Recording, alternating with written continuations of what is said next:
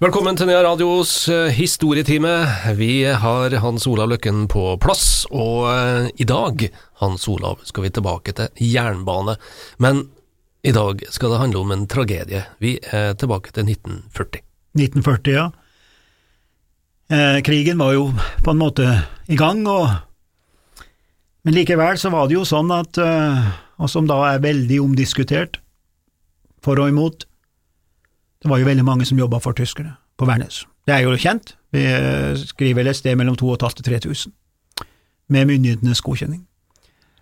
Og eh, da skjer det en togulykke, for det kommer et da såkalt arbeidstog fra byen, med alle de her menneskene. Da. Det var jo blending for, eh, på den tida, det er eh, steintidlig om morgenen, mørkt. Og eh, det skjer altså da en, en misforståelse på Hummelvik stasjon. Vi er i november. Vi er i november, 19. november 1940.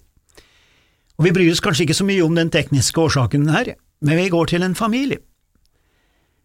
Oppe oppafor jernbanestasjonen på Hell, der bor det en familie som het Hoås. Og eh, han Anton, faren i familien, og han Per, sønn på 16 år, de går nedover til toget. De skulle til Trondheim for å kjøpe hoppski til han Per på 16 år, han var et talent. Og eh, de kommer ned. Toget på den tiden, ja, det er omtrent akkurat som i dag, det. Det var to sånne vogner som piler att og fram. Nå piler det att og fram, opp og ned, ned nord og sør, hver time. Mellom Steinkjer og, og, og Lundamo, det vel det går nå, da? Trønderbanen. Hvis den ikke regnes helt til Oppdal, da, jeg vet da søren, men jeg tror det går til Lundamo, da, men her. Ja da, sånn at det er et tog som går fra Koppero i Meråker til byen. Hver dag, fast tid, og de kalte det selvfølgelig for Lokalen. De kommer ned, går inn, og det er fullt. Men det er et par plasser ledig. Så en Anton, han setter seg, skal vi si, med en gang du kommer inn, til venstre, ved siden av en jernbanearbeider fra oppe i Meråker. Og han Per, han er da 16 år, forlater da far sin og går litt framover og finnes en plass ved siden av en tysk soldat. Så ruller toget ut fra Hell stasjon, forbi Muruvika, og kommer rundt det vi kaller Svartneset, da du svinger inn i sjølve Hummelvika der, og møter da det herre arbeidertoget med Dovregubben foran. Dovregubben foran. Det her store lokomotivet hvor det bare er stort lys, og de kolliderer, og Dovregubben er jo mangfoldige tonn, ikke sant, det er jo et enormt tog, som dermed pløyer da igjennom de her trevognene. I dag er det jo stål, går de ut ifra, går de ut ifra. men den gangen så var det jo trevogner, du ser dem jo for deg liksom som, som øh, skulle vært noen persienner, ikke sant, her.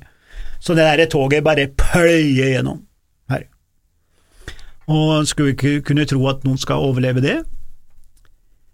Det gikk jo rykte da, etter en liten stund, om at det har vært ei ulykke, og heime så går jo Anna Pauline, da mora.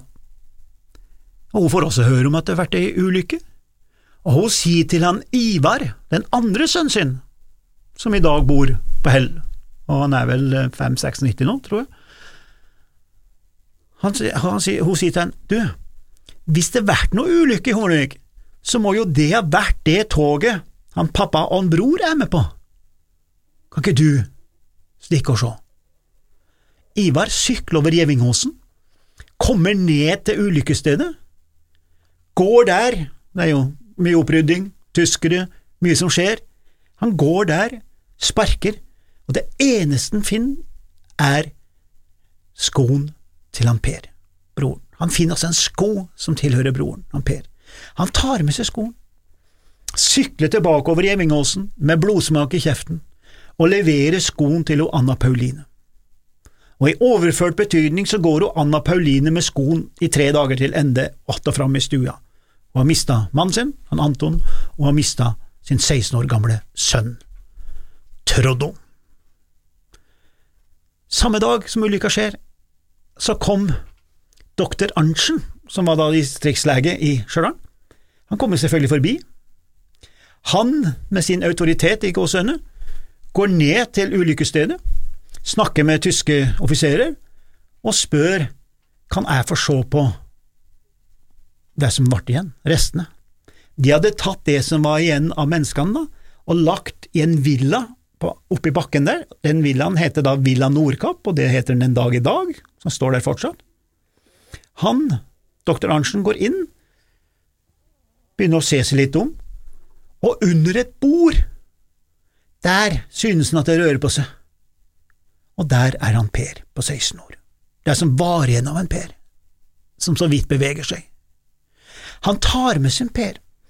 De får han inn i en slags vogn, og de drar til Trondheim by, til Røde Kors-sykehuset. Men de hadde ikke kapasitet, og de trodde at eh, nei, han er død, så det var liksom ikke vits å gjøre noe.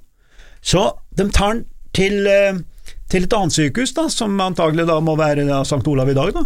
altså der. Og der sier også legene at nei, han er død, det, det, det, det, er ikke noe vits å gjøre noe. Så de tar den tilbake til Røde Kors, kanskje hadde de en følelse av at de var litt mer eh, ja, ivrig, kanskje, da.